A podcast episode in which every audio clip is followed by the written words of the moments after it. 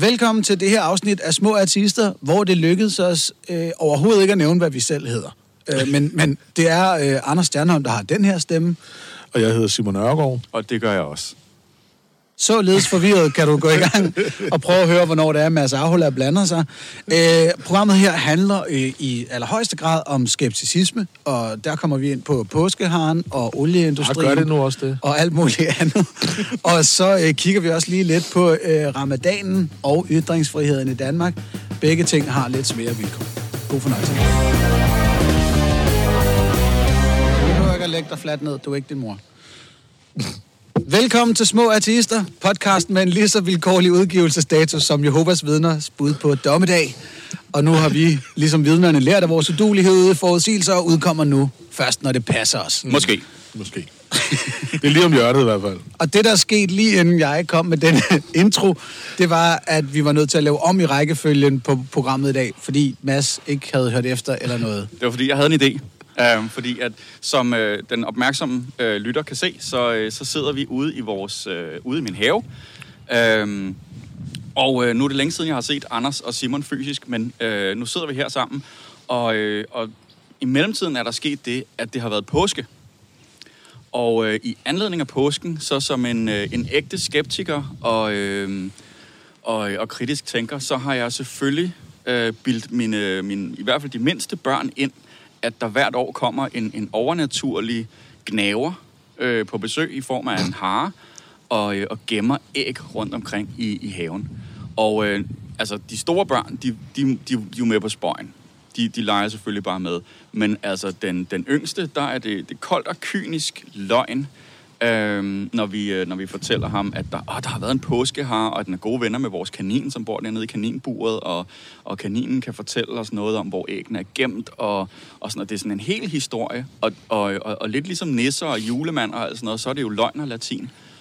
Og så var det, jeg kom til at tænke på, nu, nu jeg, vi plejer at bryste os af, at vi ikke er artister, bare fordi vi ikke kan lide Gud eller sådan et eller andet. Det er fordi, vi har en skeptisk tilgang til, til tingene. Og, og så slog det mig, at det måske var værd at spørge. Jeg synes sige, at det er forkert at, øh, at, at, at lyve for børn på den her måde, og at bilde dem, bilde dem et eller andet ind, sådan en semi-religiøst, øh, mytologisk øh, forløb, som, øh, som vi så, øh, ja, som vi der belønner dem for at tro på, ved at give dem chokolade. Jeg tror i hvert fald, man skal være varsom, når man gør det. Altså, du gør det jo så ligesom for at finde ud af, hvor, hvor dumme er dit afkom. Er det ikke sådan noget i den retning? Lige sådan en, en, tid, en tidlig IQ-test. Det ved jeg, det, det skal jeg svare på det. Um... Men det er jo meget godt, så ved du det senere, når de skal ned i ungdomsskoler til fester og sådan noget. Det er sådan, helt ærligt, hvad, hvad kan jeg udsætte hende for? Fordi, ja. Jamen, altså, det, er måske, det er måske rigtigt nok, at man... Øh... Forstår hun, hvad det betyder, når en 13-årig dreng siger, jeg har aldrig følt sådan her før, og jeg tror, det er noget helt særligt? For eksempel. Åh, det kan man jo ikke tage fra dem. Men så skal hun i hvert fald have lært om storken først. Men nu siger jeg, hun, den, den, den yngste er jo øh, øh, den fireårige og en dreng. Øh, det, det kan jo være, at han er noget andet til den tid. Det, det skal jeg jo ikke bestemme. Øh, men, øh, men ja, der kan jo selvfølgelig være den der øh, idé om, at man, man altså, hvis man skulle retfærdiggøre sig selv øh, for, for det her. Øh, det er jo ikke sådan en løgn, hvor man så bagefter afslører, at ah, det var bare for sjov eller et eller andet. Det, ja. Der går flere år Mm. Øhm, så måske lærer de en livslektie på den måde. Det kunne, Jamen, det kunne du, altså, der er der jo masser af eksempler på folk, der siger, at de blev simpelthen rasende, dengang de fandt ud af, at julemanden ikke eksisterede, ikke? Eller mm. børnene selv, øh, altså, de siger, at mine børn blev rasende, da de fandt ud af, at vi havde løjet for dem. Ja. Øh, og, altså, man kan sige, at min fortid med Jehovas vidner... det det må have gjort det ekstra svært, når, man så kom, når turen kom til Jesus, så bare, fuck, hvordan Ja, det er jo nemlig det, ikke? Altså, jeg er jo så fra Jehovas vidner der, og mine forældre troede jo faktisk selv på det, ikke? Altså, de troede selv på den der gigantiske julemand, som jeg er blevet bildet ind, ikke? Så mit korte svar, det er nej. Det er ikke i orden. Næste punkt, nej, okay. For, for, fortryder du simpelthen at have introduceret dine børn for julemanden så også? Øh, nu, øh, ja, altså, det var så overført betydning, ikke? At ja, det, jeg har kommet til at lære mine børn, det er, det er jeg da ked af, at jeg er kommet til. Men jeg vil jo ja. sige, rent praktisk virker det lige med julemanden øh, ret svært. Men så skal man jo sige til dem, jamen prøv at høre, de andre unger nede i børnehaven eller et eller andet, de, de er ikke med endnu. Så der skal du tige stille.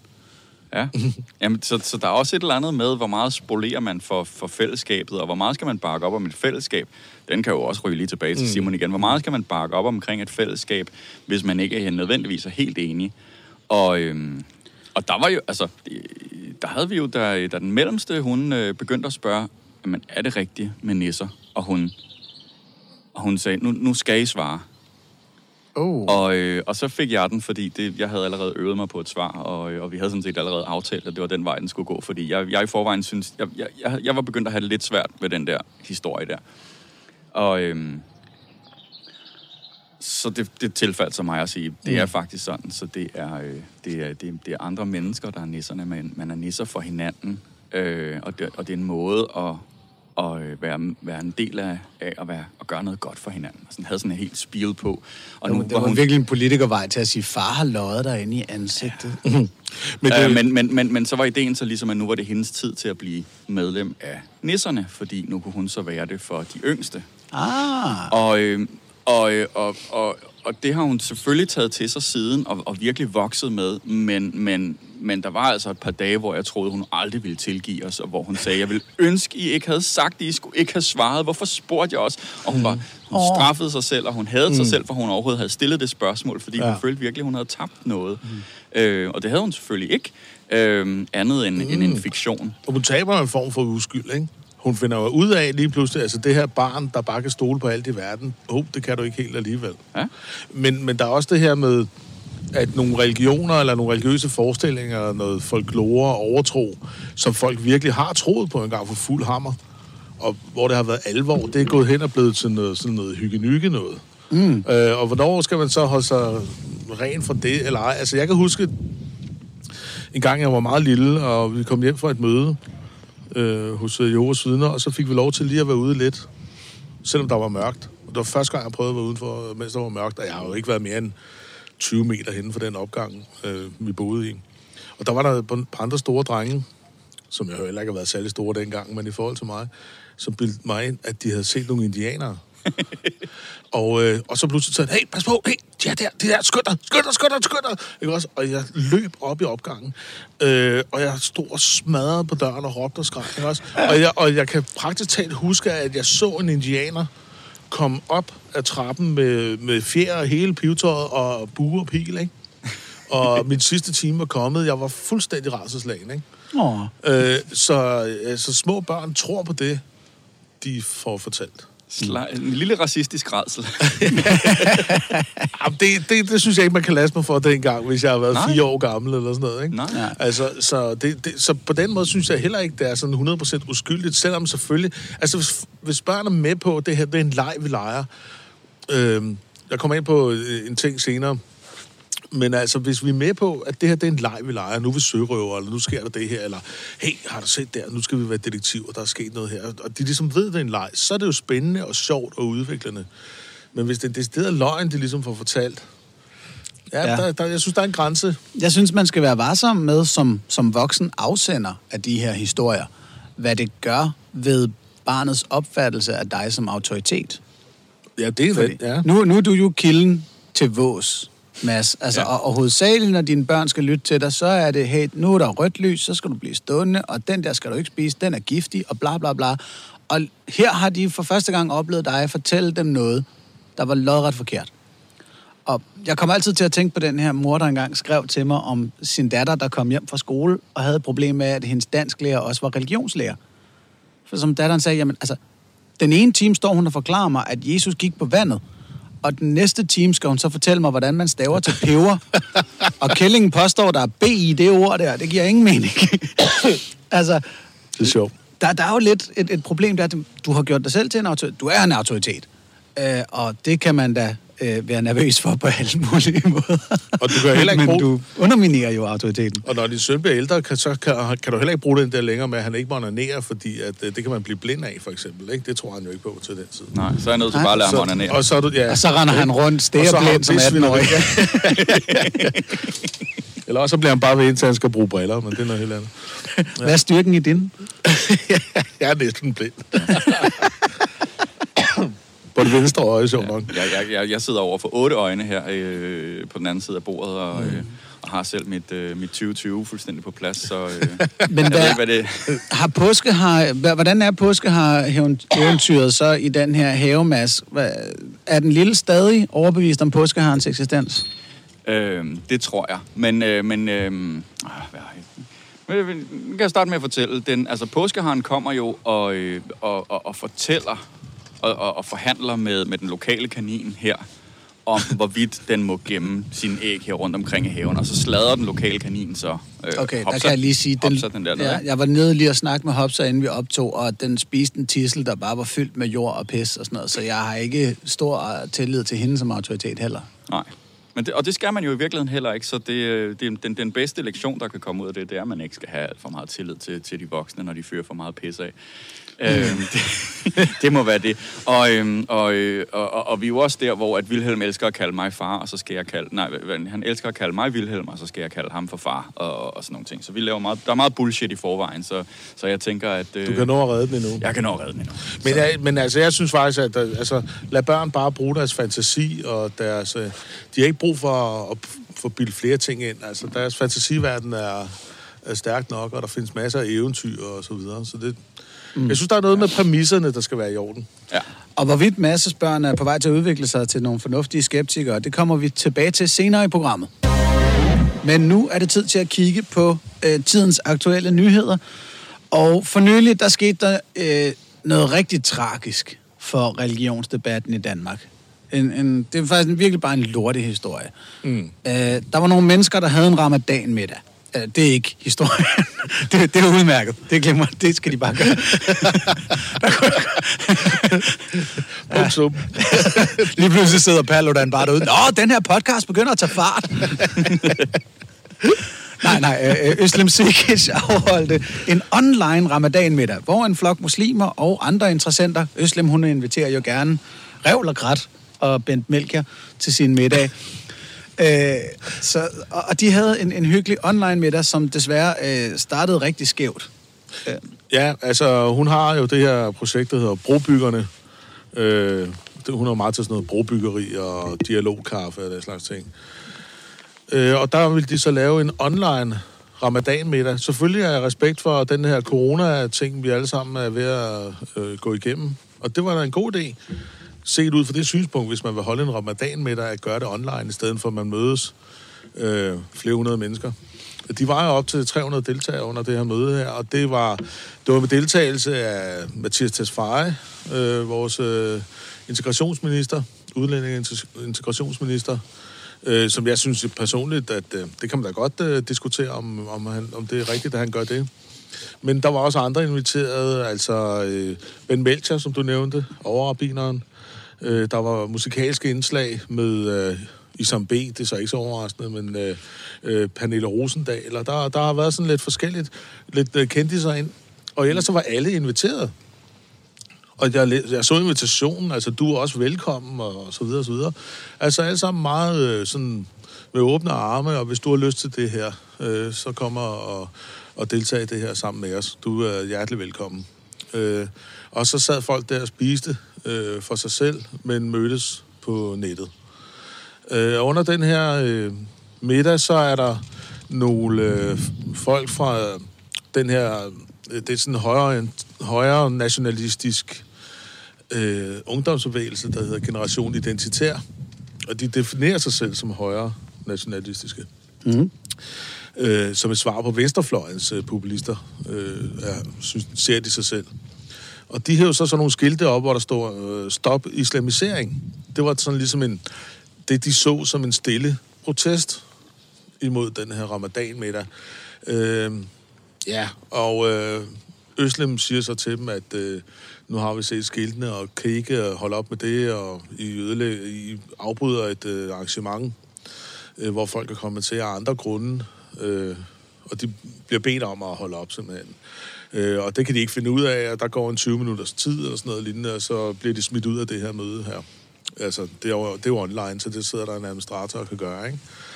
Så det er jo på den måde, Så de får faktisk øh, de får ret meget line.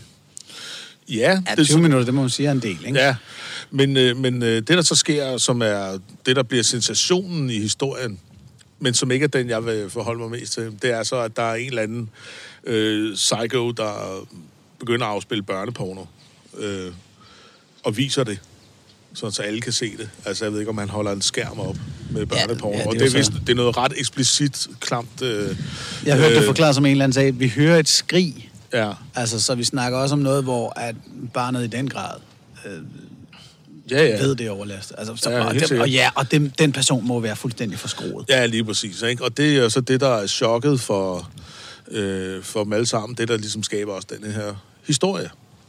Mm. Og så kan man så sige, nå, det gik jo så, som det gik. Altså, man kan måske sige, det er lidt naivt, øh, at ville lave en helt sådan offentlig ramadan med hvor man ikke har godkendt folk, der deltager inden. Fordi så ved man sådan noget her kan ske. Men det retfærdiggør det jo ikke. Det er jo lidt ligesom, altså, Paludan, jeg han stiller sig ned og brænder Ja. ja. øh, koraner af, ikke? Og, og ja, så ved man selvfølgelig, at det kan pisse nogen af. Og, der, og det vil jeg altså heller ikke holde imod den. At, at man laver en åben invitation og siger, Nej. hey, kom og fejre det her med os. At der så kommer nogen, der ikke vil fejre det med jer, det er sgu ikke deres skyld. Nej, nej. Det, det, det er de andre Slet ikke. idioter. Altså, Selvfølgelig er det, det det, du siger, Simon, er, at det er ikke overraskende, at, Ja, det er at ikke der, er no- overraskende, at der er nogen, der troller sådan et arrangement, fordi vi ved, at folk er især på nettet fuldstændig øhm, blottet for sådan almindelige civiliserede hæmninger. Ja. Mm. Øh, og det er grund til, at det så blev en sag også lidt for mig personligt. Det var så fordi, at vi har jo den her debatgruppe i Artistisk Selskab på, øh, på Facebook, som vi har stillet til rådighed for folk, der gerne vil diskutere emner, der er vigtige omkring ateisme og så videre, religionskritik. Og øh, der har været en del kritik af den gruppe der, fordi der er også nogen, der bruger den. Der er nogen, der går ind og bare snakker islam hele tiden, bare fuldstændig, altså helt øh, rander derudad. Der er religiøse trolde derinde, som bare sidder der for at irritere ateister. Og så er der selvfølgelig også øh, ateister uden så mange, øh, hvad skal man sige, nuancer, øh, som smider memes ind, som man kan kritisere for at være mere eller mindre... Øh, ja... Øh, Fladpandet. Fladpandet, ja. Og der begyndte der så også komme en diskussion af det her, ikke? Og der blev det så, så kom Intact øh, folk ind. Ikke fra Intact Danmark, men altså folk, som er imod omskæring, og nærmest øh, i mine øjne forsvarer det her øh, børneporno og så videre, og så tænker jeg, nu stikker det helt af, ikke? øh, så derfor så følger mig kaldet til at skrive et indlæg om det. Øh, og øh, det gjorde jeg så også, hvor jeg udtrykker, hvad, hvordan vi ateister, i hvert fald os, der, som vi repræsenterer i ateistisk selskab, hvordan vi har det med sådan noget her. Øh, og øh, vi får jo altid skudt i skoene, at vi er unuancerede, åndløse, tomme, uforstående, Aggressive. aggressive kyniske, Fundamentalistiske, fundamentalistiske, historieløse. historieløse. Gud, var der mange tillægsord, når man sådan rigtig åbner posen, hva'? Hånlige. og, øh, og der vil jeg bare sige, det er ikke den form for religionskritik, som jeg ønsker, at artistisk selskab skal stå for, ej heller tages til indtægt for. Og når jeg taler om det, så er det ikke, fordi jeg sigter til dem børneporno. Det, det er jo Altså, det behøver vi slet ikke at diskutere. Det er jo bare komplet Mm. idiotisk. Det bliver sikkert til en politisag, og jeg håber, vedkommende bliver dømt og begravet under et eller andet fængsel. Au, det var måske Wow, hey. Det, jeg går heller ikke ind for dødsstraf, men altså, det er jo virkelig træls, ikke? Men jeg går heller ikke ind for den her øh, øh, demonstration, som Generation Identitær har lavet. Og det gør jeg ikke, fordi at øh, jeg mener, at det er ulovligt, for det mener jeg ikke. Altså, de har lov til at gøre det, de gør. Jeg mener bare, det er kontraproduktivt, og jeg mener, at det er disrespekt for de mennesker, som egentlig bare gerne vil praktisere en ramadan-middag i fred. Ja, det er slet og ret skide uhøfligt. Ja, simpelthen. Og øh, jeg har selv øh, altså demonstreret mod Jehovas vidner øh, sidste sommer, hvor jeg stod ude til deres øh, stævne Ja. øh, med plakat og sådan noget lignende, og en t-shirt og, og så videre. Øh, og jeg var også inde øh, på stævnet øh, ved flere lejligheder. Men jeg kunne aldrig drømme om at begynde at rejse mig op og råbe og skrige, eller hive et eller andet frem, eller, eller tage tøjet af og begynde at pisse i til at blomsterne. sige, eller, det, det var på et stadion, det havde været oplagt at streake øh, ud på banen. Ja, ja, det, og... ja, lave et eller andet fuldstændig vildt. Gud er død, Gud er død, Gud er død. Og jeg kunne da også godt se, altså Asperger-siden i mig, øh, som vi vel alle sammen har en lille streg af, kunne da godt se det sjove i det, hvis man havde lavet et eller andet fuldstændig vanvittigt, ikke? Men altså, det ville jo bare ikke føre til noget. Jeg er, jeg er medlem af Ateistisk Selskab. Jeg er formand for Ateistisk Selskab, fordi jeg vil gerne rykke på nogle ting her i samfundet. Og det gør man kun ved at være præcis i sin øh, kritik. Og så skal man være præcis helt ind til benet og bare give den fuld smadre. Det er jeg med Og, på. og det der er sagens kerne. Nu kan jeg så fortælle, at øh, i forbindelse med mit nye øh, radioprogram, Gud Fader Bevares, på Radio 4, hermed plukket, øh, der, havde, der hævde vi fat i Generation Identitær for at høre dem om, hvorfor de lavede den her aktion. Og et af de spørgsmål, jeg stillede, og nu skal jeg nemlig prøve at følge med her, der spørger jeg, øh, I skriver, islam skal under ingen omstændigheder være en accepteret del af Danmark. Ifølge Danmarks kanon, den her Bertel Hårder lavede, er ytringsfrihed en af vores 10 vigtigste værdier, og den nyder stor tilslutning i befolkningen. Hvorfor bør vi gå på kompromis med den værdi? Og jeg giver dem til med muligheden. Hvad gør islam så problematisk, at den er ved at kompromittere vores danskhed? Øhm, til det spørgsmål svarede øh, Generation Identitær. Et lidt sært formuleret spørgsmål, der vel siger mere om afsenderen end noget andet. Man må godt mærke, hey, her er grundlag for et godt interview. Mm-hmm. Udover at det intet har med ytringsfrihed at gøre, da vi vel ikke har forhindret nogen i at ytre sig. Så det kan vi ikke lige forholde os til. Det er ganske enkelt forkert at påstå, at det vi taler om har noget med ytringsfrihed at gøre. Og fire linjer senere, i forhold til islams plads i Danmark, vi mener ikke, at islam skal være en accepteret del af Danmark. Mm. Hvordan kan Så- man sige, at det her har ikke noget med ytringsfrihed at gøre? Så fire linjer senere siger, at man faktisk ønsker at indføre tankepoliti. Men jeg vil jo bare sige demokrati. Altså i demokrati, så har du religionsfrihed, og du har tankefrihed, du har åndsfrihed. Ja. Ja. Så du må, gerne være, du må gerne være nazist. Du må gerne være islamist. Mm, og generation identitær må også gerne være det, de Absolut. er. Det, der er mit Absolut. problem, det er, når din argumentation er så sammenhængende, at du kan modsige dig selv på fem linjers afstand. Ja. Så, øh, vil jeg sige, så havde jeg det princip, de kommer ikke i mit radioprogram. Nu kommer de så i vores podcast. Det er en øh, degradering. Der, jeg havde det sådan lidt, jeg vil lige forklare en, af, en journalist, jeg arbejder sammen med, bare sige, nej, nej, prøv at høre, altså Inger Støjberg og, og øh, diverse biskopper og sådan noget der, de er en etableret del af debatten, så deres fejlslutninger vil jeg godt sende i radioen. Når du er en lille fisk, der prøver på at komme ind, så er du nødt til at have en argumentation, der holder. Ellers er der ikke nogen grund til at give dig plads. Nå. Nej, nej. De, de bidrager jo ikke med noget som helst. Og i virkeligheden så er det jo, altså... Øh, det, er en, det, er en, det er en meget klassisk for hele den der, dem der altid øh, hmm, brokker sig over de, de, de, med ytringsfrihed, som om, at det er en... Øh, øh, så, jamen det de gør, det er, at de opfører sig så, så, i, i, i situationen, som om, så er ytringsfrihed den eneste værdi, der, øh, der tæller. Ikke? Men hvis man kæmper for, for, for et eller andet, man mener er nogle danske værdier, som ikke må islamificeres, eller hvad det nu er, de siger, når de siger stop islamificering, så, så må det jo være, fordi de generelt mener, der er nogle ting, der er gode i samfundet. Og, og der er sgu da også noget med øh, netop bare almindelig civiliseret opførsel. Mm. Altså, hvis... Øh, hvis, hvis, øh, hvis muslimer opfører sig væsentligt mere civiliseret end, end dem fra generation identitær, øh, så ved jeg jo godt, hvem jeg gerne vil være i samfund med. Øh, og det kan de fleste andre, der hører den her historie, jo også sagtens tage stilling til. Mm.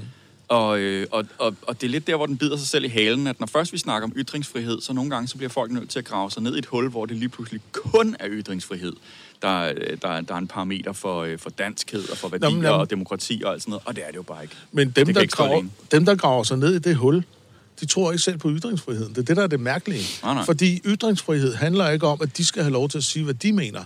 Det handler om, at dem, der er mest uenige med dig selv, dem, der har de hæsligste meninger, som du kun har altså, afsky til overs for, de har taleret også. Det er det, der er ytringsfrihed. Mm. Mhm. Det er derfor, jeg siger, jamen, øh, nazisterne, de skal have lov til at have deres lille radio-oasen nede i, i, i Greve, eller hvor fanden, hvis de er der endnu. Øh, vi, kan, vi skal heller ikke forbyde Hisbutteria. Vi skal ikke forbyde... Øh, øh, Og det her, det er en god segue over Linje til vores... tre. Hvor, men, og, og, og, så vil jeg bare lige sige, at... Øh, øh, at Ja, altså, Anders Birkov kunne vi godt få. ja, men altså... Øh, altså Åh, oh, undskyld, Anders. og, og, og, og, og det, der var det vigtige for mig at få sagt, og det er også derfor... Så, Nu sker det. nu kommer tyskerne. hold da, vi har valgt at lave podcast på det her tidspunkt. Shit, det er dumt. Åh, oh, nej. Hvorfor er vi sådan nogle idioter? nej, nej, det er da smukt. Ja, Hvad var det, jeg så nogen, der sagde, at hvis man satte øh, Ringenes Herre de to tone på klokken 9.51 eller sådan noget, så vil Legolas sige, that's no Orkorn lige nu. Nu, kan, nu, nu fik du lov at sige det. oh, sorry, Mads. Men altså, man kan da sige, at de der horn der, de er jo fra en tid, hvor det var nødvendigt at kæmpe for de værdier, vi sidder og forsvarer nu. Og der kan jeg jo se, Så det var meget god undergrunds, eller Ja. underlægningsmusik. Og en lille servicebemærkning er, at den lyd, vi hører her i baggrunden, er den eneste, der må overskride myndighedernes grænser for øh, støjvolumen i det offentlige rum, Aha. udover kirkeklokker. Ja, selvfølgelig. Nej, men, det, men, men det, der var det vigtige for mig også lige at pointere, det er, at vi er ateister.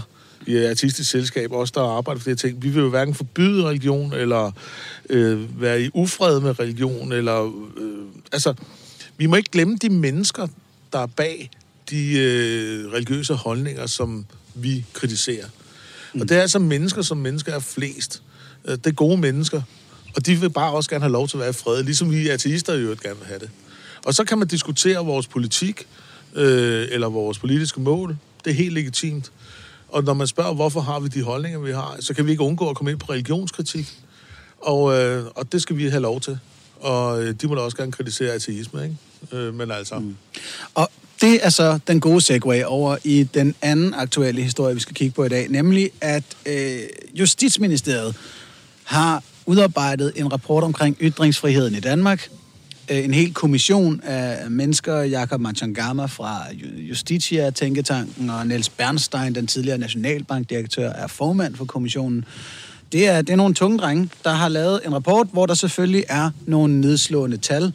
Det første tal, der kom ud derfra, var, at 76 procent af indvandrere og efterkommere fra muslimer i Danmark mente, at det skulle være ulovligt at kritisere islam.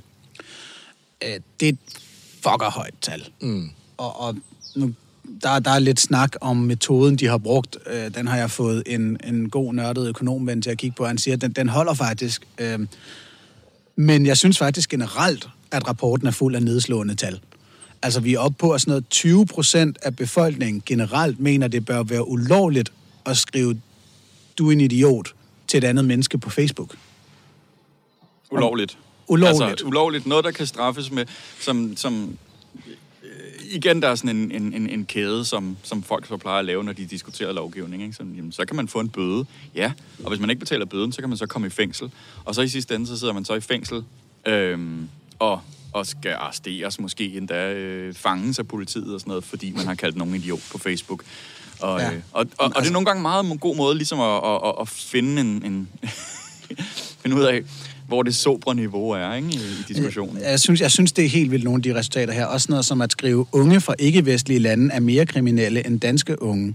I et opslag på Facebook, der er vi oppe på sådan noget 30 procent, der synes, det skal være ulovligt. Og ja. det er, er, er vel at mærke også i blandt politikere. Mm. Øh, hvor jeg sidder og tænker, det, det, kan, det kan fandme ikke være rigtigt. Det er venstrefløjen. Og, og så apropos generation identitær, så er vi også oppe på sådan noget 62 procent, der mener, det skal være ulovligt at advokere for indførsel af sharia-lov i Danmark.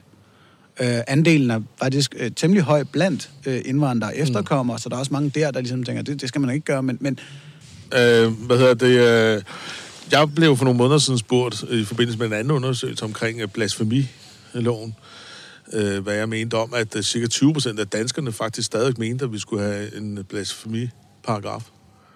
Hvor at øh, det eneste, jeg- sagde en masse ting, det eneste, der blev citeret fra Christi Dagblad, det var, at det var da utroligt, at 20 procent af danskerne ikke fatter en bjælle af, hvad demokratiet går ud på. Altså, Det er vel også kernen af det Men hele. det er jo kernen af det. Og det var jo egentlig øh, tilbage, til- ikke vi skal tilbage til skepticisme, men det var den her diskussion, der fik mig til at sige, hvorfor det tyder på, at der er noget, der er nogle grundlæggende værdier, som vi godt kunne lære børnene i skolen, fordi det er jo inden for alle befolkningsgrupper, at der er noget øh, slør i rettet i forhold til at forstå, hvad er demokrati og hvad er ytringsfrihed. Hvorfor lærer børnene ikke det? Og få det ind med modermælken, i stedet for, at Nora han øh, byggede en ark, fordi det skulle regne for første gang, eller sådan et eller andet. jeg synes, du har fat i noget, fordi deres undersøgelse viser også, at danskerne er, er vilde med ytringsfrihed, og mener, det er en mega vigtig værdi. Så, så der er jo noget virkelig paradoxalt her i, at der er så få, der forstår den. Det er det. Øhm, jeg, jeg, og her er sådan en lille... Ja, det, det kan jeg virkelig godt mærke. Det er mig, der er en, en lille irriterende artist, ikke? Men der, der er en, en underdel af den her rapport fra kommissionen omkring vigtigheden af ytringsfrihed. Der har de så undersøgt øh, den gennemsnitlige, eller folkets vurdering af vigtigheden af forskellige værdier for det danske samfund. Og der har de taget udgangspunkt i de 10 værdier i den her Danmarks kanon, som Bertel Hårder lavede. Det var den, hvor at, jeg tror måske 25.000 mennesker var inde og stemme Jamen, det på det derværende. Kultur- og Kirkeministeriets hjemmeside, og dermed afgøre de 10 vigtigste værdier. Og øh, den danske kulturarv nåede lige nøjagtigt med på en 10. plads over de 10 vigtigste værdier, hvilket betød, at demokrati kom ned på en 11. plads og ikke blev en del af Danmarks kanon. Ikke? øh, og nu kan vi så, nu, nu kan jeg mærke, at min, min sølvpapirshat, den begynder at stramme omkring stemmesnyd og sådan noget i forbindelse med det her, fordi her er resultaterne så af folkets vurdering af vigtigheden af de forskellige, af de her 10 vi- værdier. Sådan noget som tillid har en score på 9,35 fra 0 til 10. Det vil sige, det er vi rigtig glade for. Øh, lighed for loven 9,32, ytringsfrihed 9,15, og alle sådan ni værdier hele vejen ned til hygge. Øh, hygge er på, på 7,86 i, i gennemsnitlig vurdering for folk. Held og lykke at undervi- undervise i hygge, altså. Ja, ja. Men altså, det, det er frisind og foreningsliv og frivillighed. Det er sådan nede på de der 7, 8, lige op omkring 8 stykker, ikke? Og så ellers 9,3 til tillid. Højt, højt vurderet dem alle sammen. Og så er der lige en af dem, der stikker ud. Nederst ligger den kristne kulturarv med en gennemsnitlig vurdering på 6,02. Altså, nej, ja, brain slut. Det var jo egentlig det. Ja, Det, det, det blev jeg bare lidt, lidt glad for at se. ja helt sikkert. Jamen, det er jo tydeligt, øh, og det kan man jo også se øh, på diverse målinger omkring kirkens øh, tilslutning i befolkningen. Ikke? Altså, når, når de for første gang i 10 år kommer ud med, at vi er under 12.000, der har meldt sig aktivt ud, så bliver det lagt ud som en historie om, at danskerne omfavner folkekirken, og den er enormt vigtig for dem. Ikke? Altså, de sætter sgu øh, målstolpen lidt. De sætter bare en lavt. Ja, det gør de. Nå, men og vores konklusion her var, jeg, jeg synes ikke, at ytringsfriheden i Danmark har det synderligt godt. Øh, Absolut ikke. Når, når så mange kan gå ind, gå ind for at ulovliggøre ytringer. Nej, det, ja. og det er et problem, fordi det er jo også blandt børn, så det kan jo nærmest kun blive værre. Altså, når jeg er ude med de her forestillinger med kontaktteateret, hvor vi fortæller om vores eget liv, nogle forskellige mennesker, og jeg kommer jo også ind på at fortælle om øh, øh, religion, og det er der også andre, der gør. Så bliver det nogle gange et, øh, et øh, samtaleemne mellem os og de elever, vi er ude med. Og hver anden, tredje gang er det ude, så er der en, der siger, jeg synes, at det skal være forbudt at, at kritisere religion. Og det er altid en med anden etnisk øh, her, herkomst. Ikke? Så, ja. så der er altså en befolkningsgruppe, det kan vi ikke undgå at, at lægge mærke til, og, og det bliver vi nødt til at sige, der lærer, at Gud kommer før alt andet. Endnu mere end, øh, altså vi har også nogle kristne danskere, Præcis, jeg skulle også sige, at vi, vi kender godt den her befolkningsgruppe. Den, de har også været ude og prøve at sågar lave et borgerforslag om, at kritik af folkekirken skulle være ulovligt. Ikke? Mm. Øhm, og, og det, det vel egentlig er et udtryk for, det er også en mangel på tillid til sine medmennesker. At sige, nej, der er noget, du ikke må sige, fordi nogen risikerer at hoppe på den. Og, og jeg er jo med på, at vi har Trump som leder af den frie verden, så ja, det er der til synligheden en hel del, der kan. Øh, men vi er nødt til at vise den her tillid, og det er jo netop så tilbage til, at vi også er nødt til at lære børn og voksne at sortere mm-hmm. i, i, hvad der kommer af information. At, at skepticisme skal satan nede med på det skoleskema. Ja, ja. Ja, på den ene side, så er der den flade jord, og på den anden side, så er der en påskehar. Og det er ligesom... Nej, øh, det var faktisk en anden ting, jeg ville trække frem der i det, fordi når vi snakker om blasfemiparagrafen for eksempel, som jo er øh, en klar sejr for ytringsfriheden, at den bliver fjernet, øh, så bliver den jo altid nævnt sammen med racismeparagrafen. Mm. Og der, der har jeg det sgu lidt svært, fordi jeg har aldrig været ked af, at der var en racismeparagraf. Øhm, men, men hvis jeg skal skyde mit eget argument ned, så grunden til, at jeg aldrig har været ked af det, det er, fordi jeg har aldrig været ked af de domme, der er faldet. Det har altid givet mening i forhold til, øhm, et, øh, når tingene skal fungere i et retssamfund, at, øhm, at, at der er en eller anden grænse for, hvad, hvad, hvad man kan udæske mellem befolkningsgrupper. Men på den anden side, øh, fordi det er jo så mit argument, men hvis jeg sammenligner det argument med øh, blasfemiparagrafen, så kan jeg altså heller ikke huske, at jeg nogensinde har været ked af en dom, der er faldet i blasfemiparagrafen, fordi, så vidt jeg ved, er der ikke rigtig faldet nogen dom Nej. på noget tidspunkt. Men er fordi- så så det- hvad tænker I om det? Jamen, der, jamen jeg, jeg, glæder- jeg glædede mig lidt over, at du sagde det, fordi jeg er sådan lidt, fuck racismeparagrafen, den vil jeg gerne have væk. Altså, jeg synes, det er at ulovliggøre idioti, og det skal man ikke. Det skal være en frit for at være dum at høre på. Jamen, øh, jeg var også af med den. Ja. Øh, og, og, og, og grunden til, at jeg vil det, det er, fordi det bliver æbler og pærer og elastikker i, i, i metermål. Det bliver noget meget subjektivt i forhold til, hvad jura ellers øh, går ud på. Og fordi at der er en, der står og siger, dræb øh, jøderne, eller hvem det nu kan være, man skal dræbe, øh, ja, så, kan, man- så, så, så kommer det jo frem i lyset, øh, hvad, hvad folk mener. Og Lige, lige hvem, den har vi så det. også andre regler. Ja, jeg skulle lige til at sige, at øh, der er så andre paragrafer, der kan træde Men til. prøv at fortælle os, men det er hate speech, men altså, jeg mener bare, jeg går ind for ytringsfrihed, fordi jeg mener, handlinger er værre end ord. Øh, så så jeg, jeg går sindssygt ud. Altså, jeg, jeg synes ikke, der skal være nogen begrænsninger Men på. prøv at fortælle os, hvad det er for dommen, der ligesom gør dig glad. Nå, men altså, jeg synes øh, øh, jo i virkeligheden, det, det, det er meget simpelt, at hvis man øh, hænger en befolkningsgruppe ud for at voldtage deres øh, døtre, øh, så kan det godt være, at man har sådan en eller anden teknisk, grammatisk forklaring, der gør, at man faktisk ikke har sagt noget, der er øh, forkert. Men det er jo Lars Hedegaard-dommen, hvor han sagde, at mange muslimske fædre voldtager deres døtre. Og så er det jo sådan, okay, hvad, hvad er mange? Altså for mig, så vil fem være alt for mange. øh, og øh, i, i, i det tilfælde, ikke? Og så kan man sige, "Nå, men så kan man forsvare tilpas." det mange. Men, men den ytring, øh, den, står, den står netop ikke for sig selv. Øhm, og det ville have været meget simpelt, fordi nu var det jo en, en talt situation, øh, så der er det meget simpelt at gå ind og, og rette bagefter, og det nægter han jo også at gøre. Så, så, så altså, det er ikke fordi, at, at, øh, at han er så blevet forfulgt øh, for at have sagt den her ting. Det, han, han, han bliver ramt af, at han, at, han, at han siger det, og han ønsker, at det er det, der er blevet sagt. Ja, men man kan så sige, at øh, da, da, i den situation, hvor han sagde det, det var ikke i offentlig sammenhæng. Så der, der er også noget der. Jamen, og så skal Men- jeg tilbage. det Nej, nej, jeg bliver lige nødt det til at spørge. Jeg, jeg, jeg bliver lige nødt til at spørge, hvad er så det ulovlige? At det var forkert? At det var sårende? Hvad er det, der bør være ulovligt ved det? Øhm, jamen, det er, det er øh, vel egentlig, at det er misvisende omkring en befolkningsgruppe. At det er forkert? Beklager, der bliver sagt forkerte ting 24-7, non-stop. Det Ja. kan vi da ikke gå ind og lovgive imod. Nej, men så har man så valgt at sige, at racistiske forkerte ting er lige en tak værre. Så lige der, hvor det bliver... Ja, ja fordi, men, men det er jo en super, igen, arbitrær grænse. Hvem siger det er Ja, racisme? men jeg kan godt til det. Altså, det er da ikke racisme at sige, at der er flere altså, at, øh, indvandrere... Eller... Jeg synes, det er skidefarligt. Og, og jeg synes, at løsningen er, at folk lærer sig til i lortet. Sådan så, at vi... Altså, nu bliver den her Lars Hedegaard-sætning jo så også nærmest mere berømt af, at han er dømt. Men man ligesom kunne sige, jamen, det har han sagt. Det har Lars Hedegaard sagt. Det er øh, helt håbløst, unødvendigt sårende, og, og afhængig af, hvordan man tolker ordet meget. Komplet forkert påstand. Ergo, Lars Hedegaard er- ikke en, du behøver at lytte til. Det er vel den, den skepticistiske vej til, Ja, ikke? så man kunne sige, man kunne sige øh, ud fra en nytteetisk, øh, et nytteetisk perspektiv, så kunne man, kunne man tale om, at racismeparagrafen måske har gjort mere skade end gavn der, fordi den mm. faktisk har været med til at blæse, blæse et, øh, et, et fjollet lille øh, Ja. Og citat op. Ikke? Lars Hedegaard bliver et offer.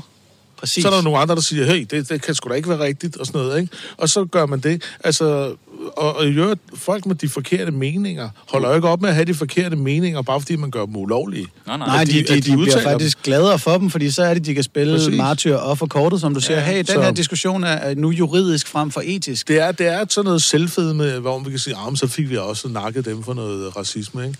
Så for at uh, segue videre, vi har brug for at uddanne folk i at sortere i det lort, folk andre lukker ud. Jamen altså, nu vi snakker om ytringsfrihed, det ved folk ikke, hvad er. De ved ikke, hvad demokrati er. De ved ikke, hvad altså, noget som helst er. Øh, ved ikke, hvad racisme vi, er. vi taler Trump, vi taler fake news, vi taler sociale medier. Der er brug for, at man lærer at tænke selv.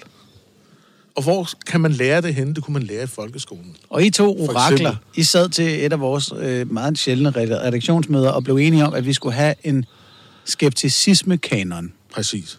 Ja.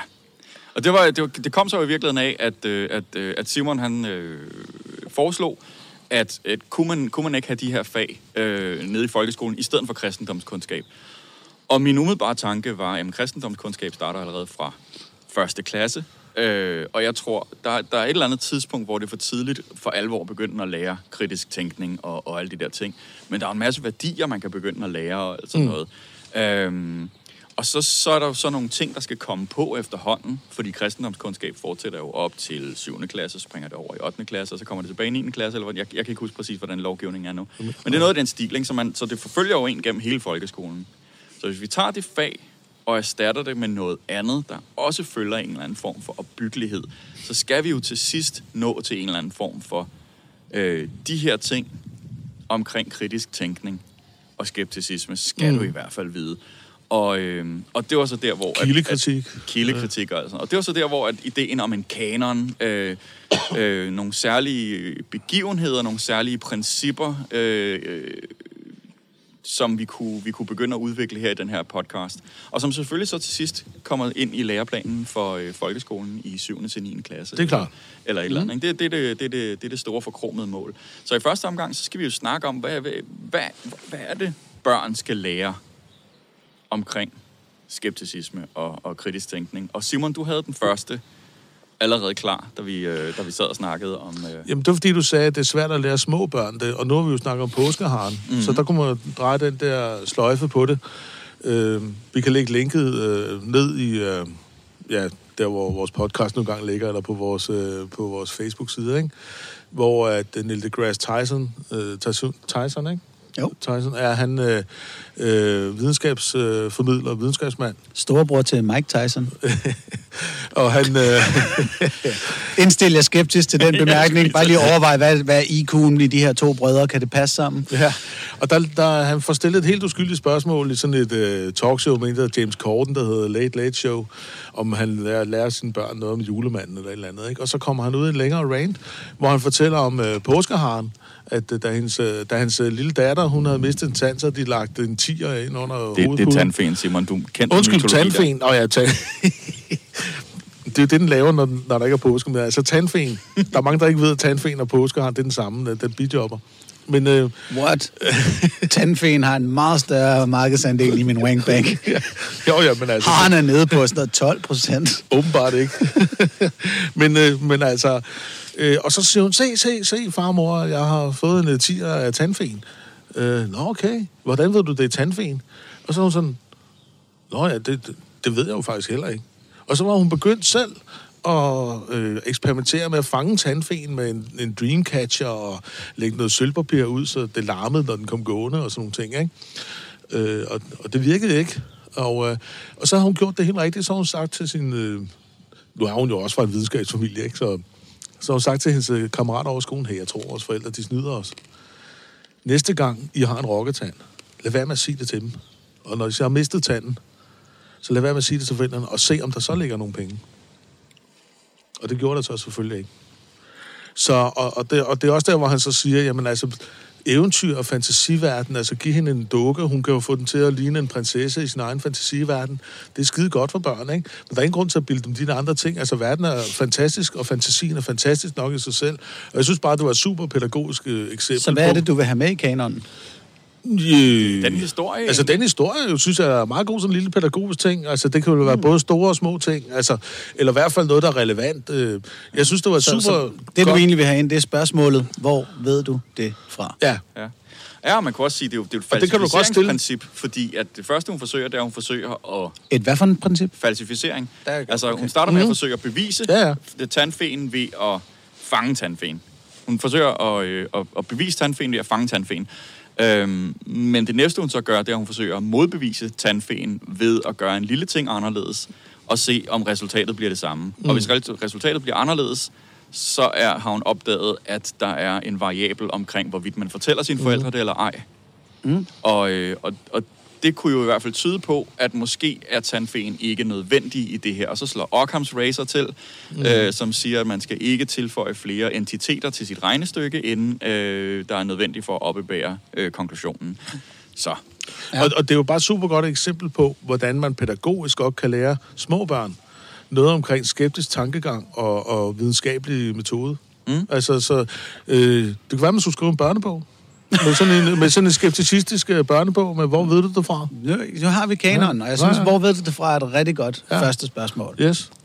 Jeg har, jeg har også en med, som måske er øh, lidt mere i den anden ende, når man er kommet op i, i, øh, i 7. og 8. klasse eller sådan noget. Øh, mit bud til kanon, det er øh, se på, hvem der får noget ud af en given holdning. Øh, det er ikke den første faktor, man bør undersøge om et givet spørgsmål. Det er selvfølgelig, hvor ved du det fra, eller lignende. Tjek lige matematikken, fysikkens love, logisk holdbar argumentation og den slags. derefter kan, kan den her komme i spil. Øh, men, og det, det, jeg tænker på, det, altså, hvem står til at vinde, øh, når din datter får at vide, at påskeharen findes, og hendes storesøster så må stå, måske står og siger, nej, den gør ej, der er ikke nogen chokoladeæg ude i haven.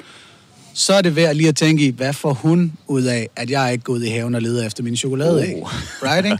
Altså, øh, øh, og i nutidens politiske, kulturelle og videnskabelige debat, der kan grænserne for, hvad der er sandhed, være ret hårfine. Altså, fordi vi har så mange tænketanke og interesseorganisationer osv., der spytter forskellige øh, sandheder og forskning ud. Og, og for eksempel at den sundhedsvidenskabelige, der, der er spørgsmål omkring nytteværdien af visse grene af psykofarmika, øh, og evidensen, kan jeg forstå, for kiropraktiks effektivitet er et stort spørgsmål lige for tiden. Det virker, så længe det er det samme som fysioterapi. Mm-hmm. Oh, nej, nej, nej, nej, nej, nej. Okay, lad os ikke bore ned i den. Og, Alt, det er alt sammen lort. og i spørgsmålet om, om cannabis er der også stadig meget debat om videnskaben på, på området. Men der bliver det så også relevant lige pludselig at kigge på, hvem står til at tjene på, at jeg har, tænker på en bestemt måde. Øh, når, når de andre faktorer bliver kompliceret, mudret eller decideret ubrugelige, så er der er grund til, at parternes motiv- motivation er en faktor, man bør undersøge. Er, er vi enige om, at det er en ting, man kunne smide ind? Ja. Ja, helt sikkert. Altså, der, er det, det, men det er, for mig er det i hvert fald mere et, et, øh, et, et sådan mistænkelighedsprincip. Altså en, en, en øh, skepticisme og en sund skepsis. Øh, nu skal jeg passe på, hvad jeg siger. Øh, fordi det beviser jo ikke noget Nej. at, at man kan, men, men, men, det, men det kan give sådan et pejlemærke af et sted, hvor man måske burde stille flere spørgsmål, end man gør. Mm. Man kan så også sige, ja, det er måske bare en bias, jeg peger på. Jamen, jeg, jeg, du spurgte om, øh, om ikke det kunne være noget, man kunne tage med, og det mener jeg godt, det kan. Det kan bare ikke stå alene, mm. tror jeg vel, fordi hvis du tager dem, der er imod vacciner, for eksempel, så har de, jamen det får lægevidenskaben jo en masse ud af, ikke? Hvis den ligesom tager mm. over andre logiske argumenter, så, så er det et problem. Ja, det- det, det det, er jo- det er jo i hvert fald en fejlslutning, fordi klassisk motivspekulation er jo en, en klassisk fejlslutning. Det vil sige, hvis du, hvis du kan forestille dig en, en, øh, en øh, bagtanke bag en holdning, øh, så øh, mistænkeliggør du den holdning, og så afviser du den på det grundlag. Og det er jo en fejlslutning. Så det er helt klart, at det er et sted at starte, som du siger, Anders. Bare det ikke er et sted, bare det ikke er et sted man, Ja. man drager sine slutninger. Men det er jo så Åh. også grund til, at den første og vigtigste fejlslutning er fejlslutningsfejlslutning. at du skal ikke tro, at nogen tager fejl, blot fordi de har lavet en fejlslutning. Ja. Altså, det her er et værktøj i kassen, som du, som jeg også nævner, kan hive op, når fysikkens lov og matematikken og den rationelle, Ja, logiske sagde du. argumentation Det- det ikke er helt på plads. Ikke? ja. Og, og, og nu kommer der så lige et rant. Yes. Nu går den ned, ikke? Nu dribler jeg lige herude på venstrefløjen. Altså, fordi den simpleste vej til at forstå, hvem får noget ud af det, det er at kigge på penge, selvfølgelig, fordi penge er et udtryk for, for grådighed, og, og penges indflydelse af idéer. Øh, jeg tænkte sådan, kig på det opfra. Olie og kul er de største forretningsområder i verden. Det er 85 procent af vores energiforsyning stadigvæk, ikke medregnet solens bidrag til at hive kalorier op af jorden, ganske vist. Men så stor en forretning, som dækker hele kloden og leverer en livsnødvendig ydelse til næsten hele jordens befolkning, naturligvis har så stor en samling penge en effekt på vores idéer. Øh, naturligvis skævvrider den det marked for idéer, som vi også har talt om flere gange her. En gladiatorerne i idéarenaen har på ingen måde lunde lige vilkår. Øh, øh, den ene fodres med steroider og har glasgård på, på handskerne. Og det er nok også den mest alvorlige af idéer, der på den her måde bliver dopet. Det er det benægtelsen af klimaforandringer. Det, den er helt gal, ikke? Og det kan tydeligt ses på Fox News, når stjerneverden Tucker Carlson, han skriger løgne ind i videnskabsmanden Bill Nyes ansigt, mens Bill Nye bare roligt forklarer fakta, så sidder Tucker og bare siger, du aner ikke, hvad du snakker om, bla bla Og vi bla. ved godt, hvem der, hvem der har den højeste løn af de to. Ja, ikke? og det er jo fordi Tuckers chefer har bedt ham om at gøre det der. Så spænder han butterflyen, og så smider han bare alle hæmninger. Han er en millionaire sponsored by billionaires, som har med stjernehistorikeren Rutger Bregman så rigtigt diagnostiseret ham. Insinuerer nu, du nu, at der er bias i Fox News? What? Um, og det, der, der ligger et klip på ham her, Rutger Bregman. Han optog selv interviewet på sin telefon, fordi han godt var klar over, at der var en risiko for, at det nok ikke blev bragt. Og Tucker slutter af med bare at sige, fuck dig, og du er en fucking og så videre. Ikke? Det er fantastisk. Det ligger stadig på Twitter, tror jeg. Stærkt. Altså, og, og igennem sindrige kanaler, så er det jo for eksempel oliepenge og øh, fastfood dollars og ståldollars og plastik yen, der fodrer Tuckers øh, øh, bankkonti og har betalt for hans butterfly og hans swimmingpool. Og pengene fordærver på den måde udvekslingen af idéer. Hans butterfly og hans swimmingpool. det, det, det, er sådan, man kan genkende millionær. det, er det, det er det, han hovedsageligt bruger sine penge på. Ikke? Men det er bare så tydeligt, når man kigger på klimadebatten, at så går industrien ind og poster milliarder i fornægtelse. Og holder også liv for eksempel i religioner. Øh, og på den måde er med til at holde liv i elendige idéer for længe. Benzinbiler, tomme kalorier og ligegyldigt lort. Ikke? Og en, en smule af resultatet før skat fra alle de her virksomheder, det bliver brugt på at holde, stimulere et marked af docile, tamme forbrugere. Ikke? Jamen, ja, det mener jeg det her. Nu bliver det mere politisk, men det er præcis ligesom religion først indså, så kræver salget af et produkt, ingen har brug for, at du først skaber et behov, der ikke fandtes. Altså, og penge, som er et udtryk for menneskeenergiforbrug, det flyder den vej, som idéerne strømmer, og derfor er idéer penge værd. Og når penge flår i idéstrømmen, så bremses den. Så øh, idéerne bliver også lidt tunge og fjollede i det, på grund af de her penge, og på grund af, at nogen har en interesse i, hvilken vej de strømmer.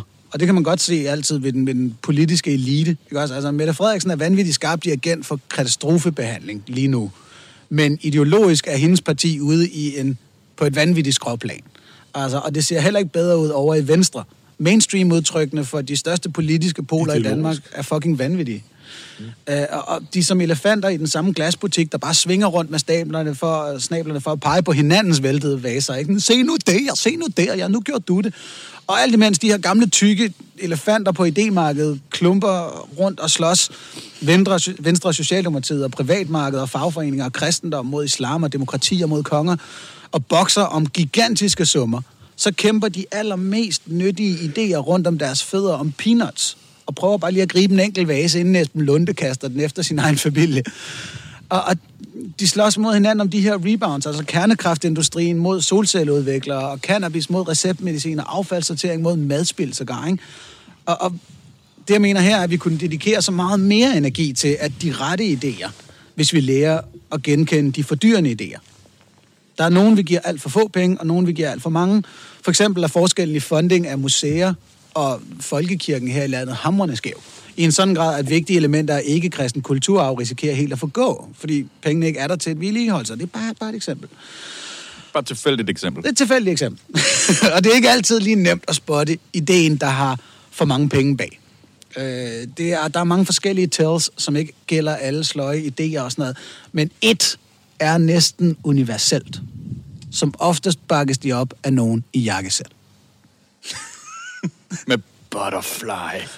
Og nu hele vejen tilbage til vores podcast. Ikke? Yes. Altså, religionsdebatten er nemlig et godt eksempel. På den ene side står vi i vores heavy t-shirts og cargo shorts, og, og når, når folk det, kigger det, væk... Hvis man ikke ved, hvordan en artist ser ud, så skal man forestille sig en person i cargo shorts og med en heavy metal t-shirt. Det er Yes. altså...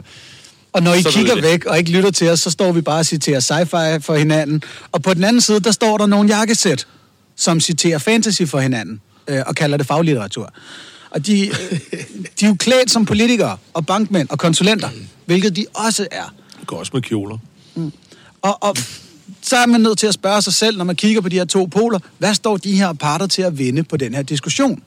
Og, og gutterne i klædt de smarteste klude fra Copenhagen's merchandise-båd, merchandise-båd, de vil bare gerne stille dig en masse spørgsmål, og have dig til at stille en masse spørgsmål, og sige, hvor ved du det fra? Og så ellers beholde dine penge i lommen. Og Tucker Carlson lookalikesene, de vil gerne sælge dig billige svar, som faktisk bare er gæt. Og, og vi vil ikke bestemme, hvad du skal tænke. Vi vil ikke have dine penge. Øh, jo, måske flere af dem til forskning bevares. Men dets værdi kan fandme heller ikke diskuteres. Det er sygt mange penge værd, hvis det endelig er sådan, man skal gøre lortet op. På den anden side til gengæld vil de have dig til at tænke på en bestemt måde, og de vil have dine penge. Og det synes jeg er en faktor, der er værd at kigge på. Rand slut. Follow the money. Follow the money. Øh, men bliver det for politisk til at komme med en skepticisme, Ken? Det er i hvert fald, øh, du, du det gør meget det, du langt gør det også politisk, ikke? Jo. Øh, og, og, og hele din personlighed er jo politisk og alt sådan noget. Så i virkeligheden, så tænker jeg, at det der... Men det var jo bare mine eksempler. Ja, ja. I skal være velkomne til at komme med nogle eksempler, hvor at det er højrefløjen, der virker som om, at de ikke øh, har pengene med sig. Altså til at starte med, så tænkte jeg, hvem har lukket Noam Chomsky, skråstreg Greta Thunberg ind i studiet. Men, øh, men nu har påsker har han jo været her, så, så det kan jo være lige så fedt med de to. Øhm, men selvfølgelig er der... Jamen, det, man kan, der er jo noget omkring det der. der. Altså, der er jo noget i det. Det er slet ikke det. Men, men der, er også, der ligger også lidt... Øh, altså, du, du var lidt inde på det før, Mads. det her med, med, med mistanke. Altså, noget, der er vigtigt inden for skepticisme, det er at kunne genkende konspirationsteorier. Og der kan man altid begynde at diskutere. Der kan godt være en snært. Altså, der er noget af det der, der er lidt potent til, at det måske i starten. Men Tucker Carlson er jo et tydeligt eksempel på en, øh, en øh, betalt øh, mediemagthaver, som øh, udøver nogle, øh, nogle rige interessers øh, mm. interesser, kan man sige. Ikke? Så, så jo, jeg ved ikke, om det er, det er et godt rant, Altså, men om det er et bidrag til kanonen? Ja. Altså, jeg, jeg, jeg startede øh, jo, lidt skeptisk Follow i forhold the money. Til, ja, jeg startede lidt skeptisk i forhold til øh, det her. Øh, jeg startede lidt skeptisk i forhold til hele den her, øh, det her rant i forhold til, om det er, det er skeptisk, men samtidig så har jeg også sådan... Øh, det er jo... Det er jo nogle vigtige pointer. Så, så, så ja. måske i virkeligheden det, der er... Altså, der er, der, der er så meget i det, så det er det der med, væk din mistro, er måske i virkeligheden bare den første del af skepticismen. Væk din, din, din mistro. Du kan jo altid holde igen med konklusionerne, og det, er vel, og det er jo også en vigtig pointe. Så så længe Anders ikke tror, at bare fordi nogen går med butterfly og har en, en swimmingpool, så er de øh, i lommen på øh, olie og kul, øh, så er der jo ikke ja. noget uskeptisk i det. Men til gengæld, så er det jo den, den vigtigste kim til den første skepsis, det er det der med, at prøv lige at overveje, at der kan være en, en motivation bag, mm. øh, mm-hmm. bag de argumenter, der bliver, øh, der bliver postuleret. Ikke? Øh, mener de faktisk de ting, de siger? Og, og, og hvis de mener dem, har de så god grund til at tro det? Har de god grund til at mene det? Mm. Eller kan der være noget andet, der motiverer deres, øh, der, deres argumentation? Altså, så, der, der er så, jo en grund til, at man i sine videnskabelige afhandlinger skal redegøre for, hvem der har betalt for arbejdet. Ja, præcis. Mm. Altså, så det jeg siger, så, øh, i virkeligheden, så det, det er et langt rant, men, men, men kernen er, væk din skepsis. Altså, men, der, der, der, en skepsis, men hold, øh, men hold den. Lad, skepsis er ikke bare at pege på nogen, og så være mis, mistroisk over for dem, og så råb, pege på dem og råbe skyldig. Skepsis er netop at holde igen. Mm. Både med, hvad du tror, men også, hvad du konkluderer. Ja, en meget central del af det, som øh, Anders har skrevet, som jeg synes kommer bedst frem i den sidste halvdel, men jeg tror, det måske er det, Anders mener centralt for det hele, det er det her med behovskabelsen. Hvis der er nogen, der skaber noget behov, fordi de ser så en øh, indtjeningsmulighed i det, mm. så, øh, så er det der, man skal være skeptisk. Fordi øh, der er jo mange reklamer, og det gælder også folk, der reklamerer for deres religion der siger, har du ikke lagt mærke til, at det er sådan og sådan? Der er et eller andet her, der ikke spiller hele det hverdagen, ikke? Eller, det er første regel i salg. Altså, det er at skabe behovet. Præcis, ikke? Og, øh, og det, det er også derfor, at religioner tit starter med at spørge folk, øh, hvis de er missionerende, øh, hvad er meningen med livet, for eksempel, ikke? Eller savner du ikke... Øh, at vide, hvad der sker, når du dør eller et eller andet. Ikke? Altså, så får man skabt et kæmpe behov, ikke? Og så kan man selv finde på et eller andet til at prøve at fylde øh, det ud med. Så har man det lige på tuben, ikke? Jo. Mm. Øh, så, det, det, så, så snart, at der er nogen, der postulerer ting, øh, hvor man får en fornemmelse af, at de egentlig skaber et behov for den løsning, de selv kommer med, så skal man være rigtig skeptisk. Ja. Altså, og jeg vil lige sige, altså, det er jo ikke randet, jeg vil have med i kanonen. Jeg vil have kig på, hvem står til at få noget ud af en given holdning. Mm. Ja. Det er, uh, yes. Hvem, og, hvem vinder på det? Og, og det er jo øh, på ingen måde en, en som vi snakker om, det er ikke en, en facit-løsning. Du kan ikke bare pege over og sige, at du står til at tjene på, at jeg mener X, så det må være Y, der er rigtigt. Så er du en idiot.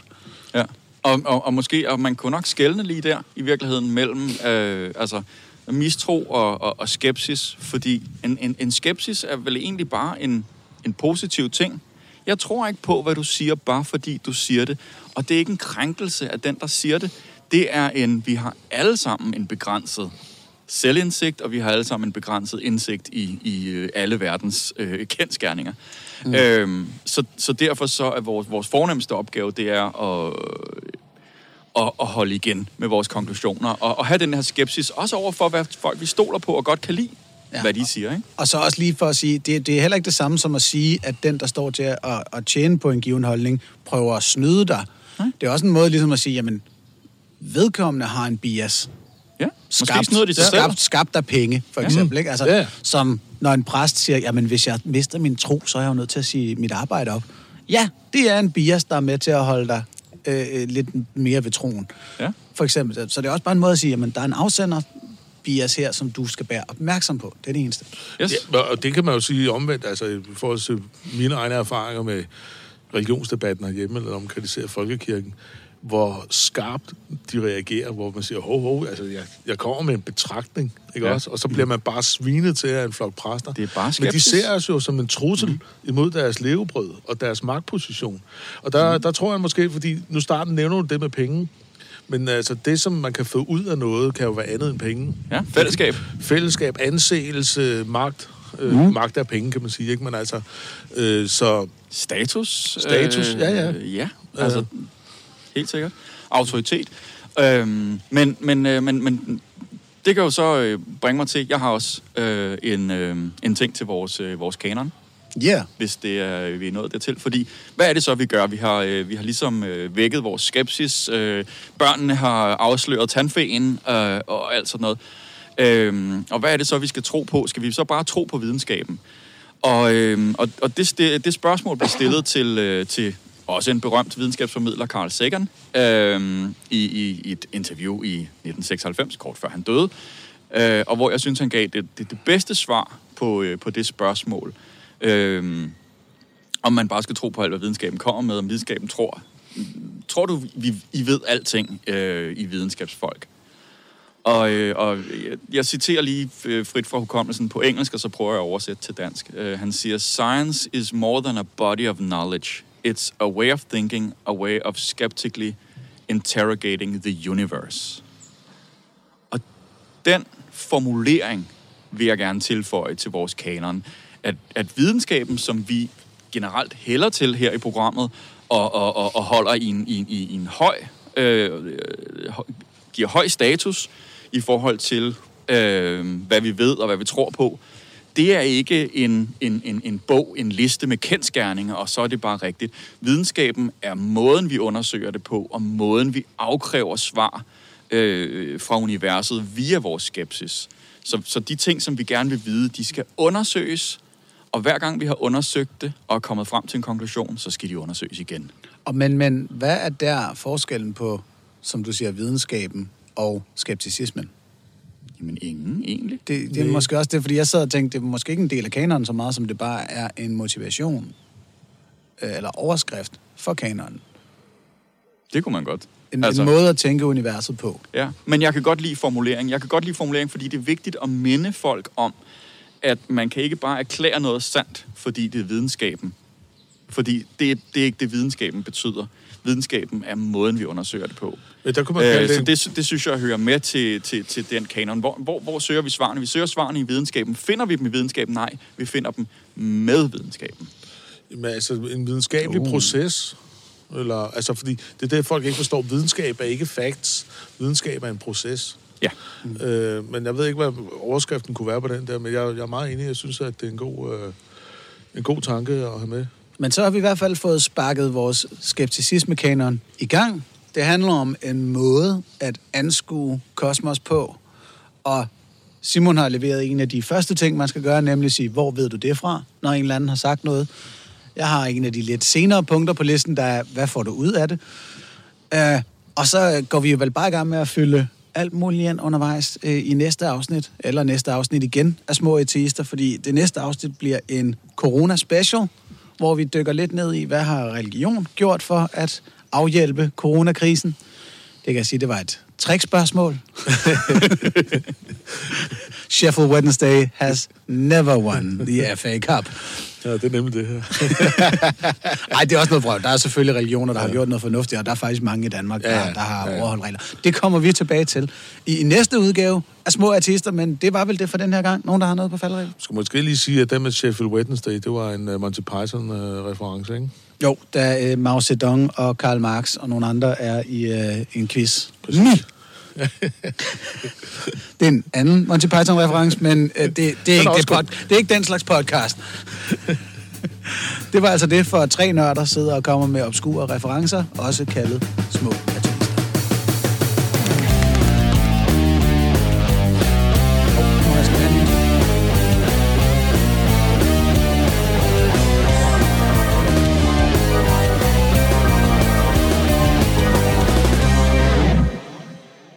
Hvor jeg tænker, kunne det blive tydeligere, at I prøver at mase noget ned over befolkningen, den måske faktisk ikke som sådan synes, er fuck!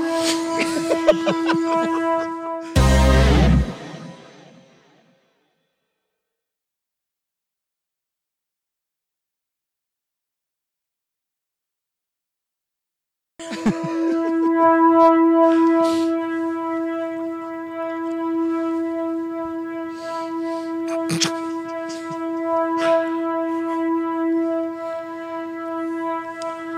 ting, der bliver mast ned over hovedet på befolkningen. Er, er, er der nogen, du har et horn i siden på? Hey, det klipper vi også ud, ikke? Jeg klipper alt, hvad Simon siger ud. Det er derfor, det tager så lang tid at udgive. Jeg kan også godt lide, at vi sidder lige ved siden af den, ikke? Jo. Så har vi konkluderet, at de virker. Yes. Når tyskerne kommer, så er vi klar.